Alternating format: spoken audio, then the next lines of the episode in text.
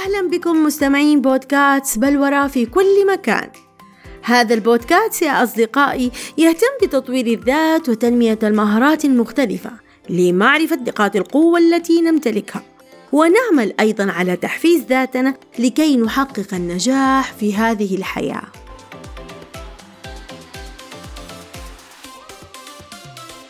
أنا سعيدة جدا. فقد وصلنا إلى الحلقة العشرين من بودكاست بلورة رحلة جميلة ورائعة ومميزة. والذي جعلها كذلك هو أصداء الكلمات المحفزة التي كنت أقرأها في تعليقاتكم على تويتر والإنستغرام ورسائل الواتس.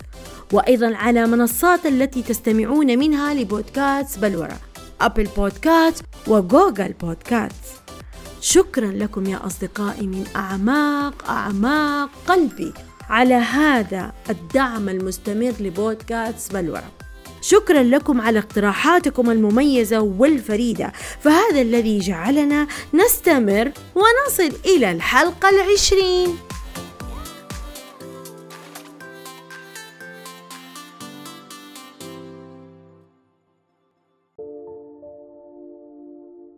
من منا لا يريد أن يسعى إلى تحقيق النجاح في هذه الحياة؟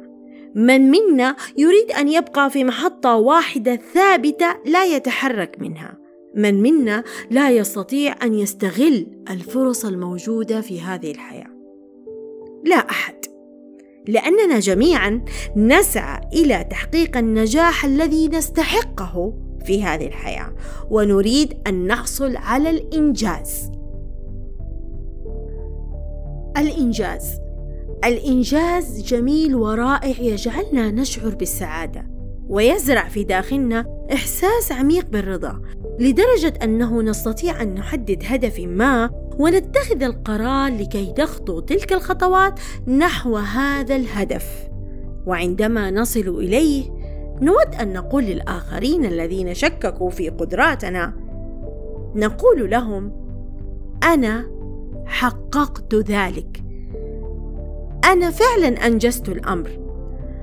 أنا فعلت هذا.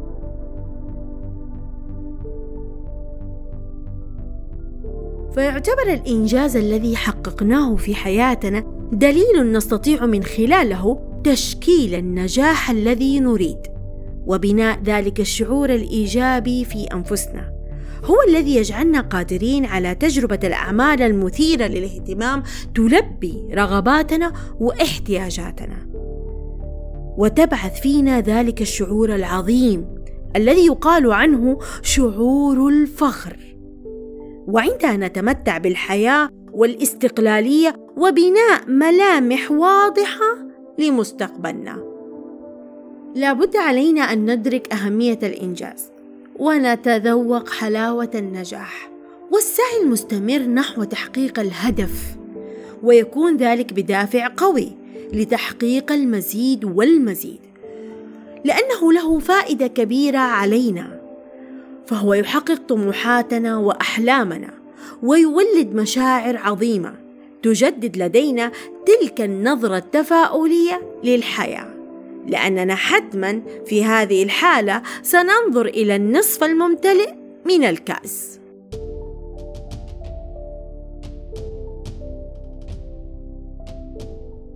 وكم هو جميل أن تقول في الأخير نعم لقد فعلتها. لقد فعلتها بعدد الخيبات التي مرت علي. لقد فعلتها بعدد الصفعات التي وجهتها إلي الحياة.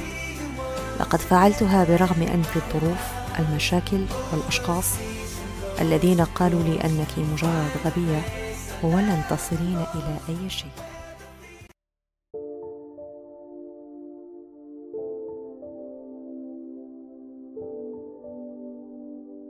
كنت دائما أعتقد أن الإنجاز لابد أن يكون في الأفعال العظيمة والمميزة.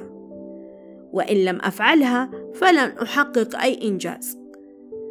وعندها أقول نفسي أنا لم أفعل شيئا في حياتي. كنت دائما أدفع بتلك المشاعر السلبية نحوي وكان هذا يزيد الأمر سوءا ويقلل من ثقتي بنفسي. وأشعر أن صورتي اهتزت أمام الآخرين. ويكون هناك قناعة أنني غير قادرة على فعل أي شيء.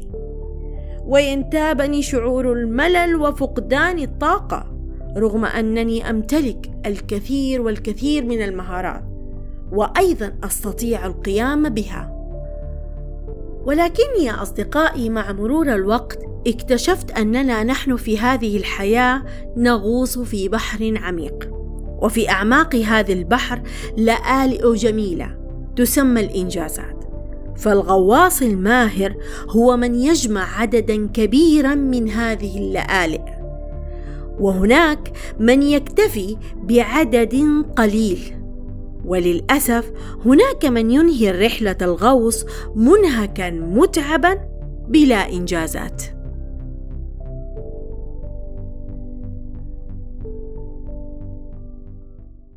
قارنت باليابان وفيننا وفين اليابان؟ لا إيش فيننا وفين اليابان يعني؟ في مقولة تقول إذا أردت أن تضع هدف ضع هدفك عند النجوم. علشان لو ما أصبت الهدف تصل فين؟ تصل إلى القمر. وهذا علمنا هو الرسول صلى الله عليه وسلم لما قال لما ندعو ما نسأل الله الجنة نسأل الله الفردوس الأعلى أعلى مراتب الجنة. شوف الهمة. وصلى الله عليه وسلم وهو في المدينة قال للمسلمين ستفتح لكم إيش؟ فارس والروم أقوى دولتين عظيمتين. يقول الطيار الأمريكي اليوري سميث استغرق الأمر طويلا حتى أدركت أن أصحاب الإنجازات نادرا ما يجلسون في انتظار ما يحدث من الأمور. إنهم يبادرون أولا ويصنعون الأحداث التي يريدونها بأنفسهم. فلماذا لا نتعلم فن المبادرة؟ ونصبح مثل هؤلاء. لا ننتظر اللآلئ على الشط بل نبادر ونغوص في أعماق البحار كي نحصل على عدد كبير من الإنجازات. الحذر ثم الحذر من أن يكون عنوان إنجازاتنا الفشل. لابد علينا أن نبحث في أنفسنا عن دوافع قوية جدا لإنجازاتنا ونعيد إشعالها من جديد. فنحن البشر نشعر بالرضا والسعادة عندما ننجز أحلامنا ونحققها في هذه الحياة. هناك حكمة صينية تقول أن الذين يستيقظون قبل الفجر لمدة 360 يوم في السنة سيحققون الثراء لعائلاتهم. إذا العمل هو الذي يصنع الإنجازات وليس فقط الموهبة والذكاء فالموهبة والذكاء ترفعان من قيمة هذه الإنجازات في حياتنا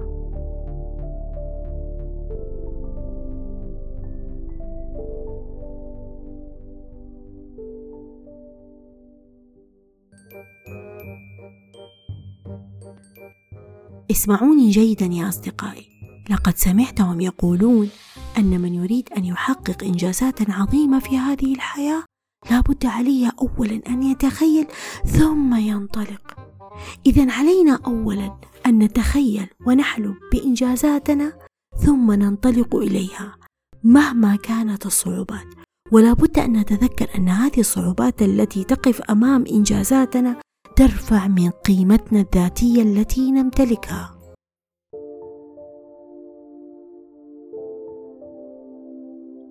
شيء مهم جدا أن نعتبر كل الإنجازات الصغيرة التي نحققها في حياتنا. ما هي إلا قاعدة صلبة لإنجاز عظيم.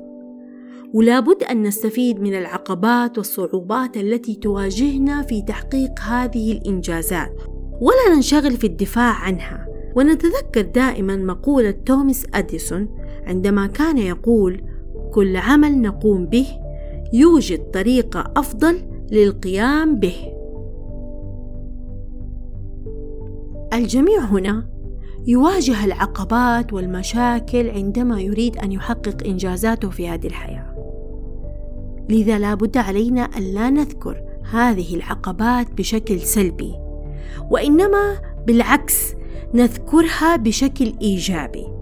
فهذا يجعل الآخرين يدركون أننا أشخاص متفائلين جدا لأنه من المهم جدا أن نحقق أهدافنا وأحلامنا وليس أن نذكر العقبات التي واجهتنا في تحقيق ذلك لماذا لا نخبر الآخرين عن إنجازاتنا التي حققناها حتى لو كانت صغيرة هذه الإنجازات؟ ونتحدث عنها بثقة كبيرة جدا. لأن هذه الثقة تظهر للآخرين بأننا أشخاص فخورين جدا بهذه الإنجازات التي حققناها في حياتنا. تثبت لهم بأننا نمتلك شخصية مجتهدة ومتفانية في العمل. فهذا سيكون له اثرا ايجابيا علينا اولا ثم على الآخرين. من أبرز أعداء الإنجاز هو التسويف والذي يقع فيه الكثير من الأشخاص. فمثلا يقول إن الوقت طويل ولا داعي للعمل والعجله من الشيطان. أو يقول هذا صعب جدا ويحتاج إلى مجهود كبير. عندها سيكون الفشل له بالمرصاد. لابد علينا أن نتخلص من التسويف لكي نستطيع أن نحقق الإنجازات في حياتنا.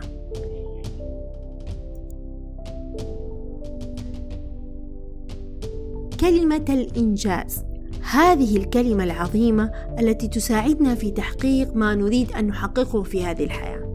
بمعنى آخر هي ليست نتيجة صدفة أو حظ يرافقنا، بل هي نتيجة هدف حددناه وجعلنا له وقت محدد، واجتهدنا وواجهنا العقبات التي توجد في طريق وصولنا لهذا الهدف. فهذا سيرفع مستوى الثقة بالنفس والروح المعنوية، غير أنها تحتاج إلى صبر وتخطيط وهمة وعزيمة. فمن يريد أن يحقق الإنجاز في حياته ويكون هذا الإنجاز حقيقيا وواقع ملموس لابد عليه أن يعمل ويجتهد ويكمل الأمر وعندها سيبتسم ويقول للذين يشككون في ذلك أنا أستطيع أنا أنجزت الأمر أنا حققت ذلك أنا فعلت هذا.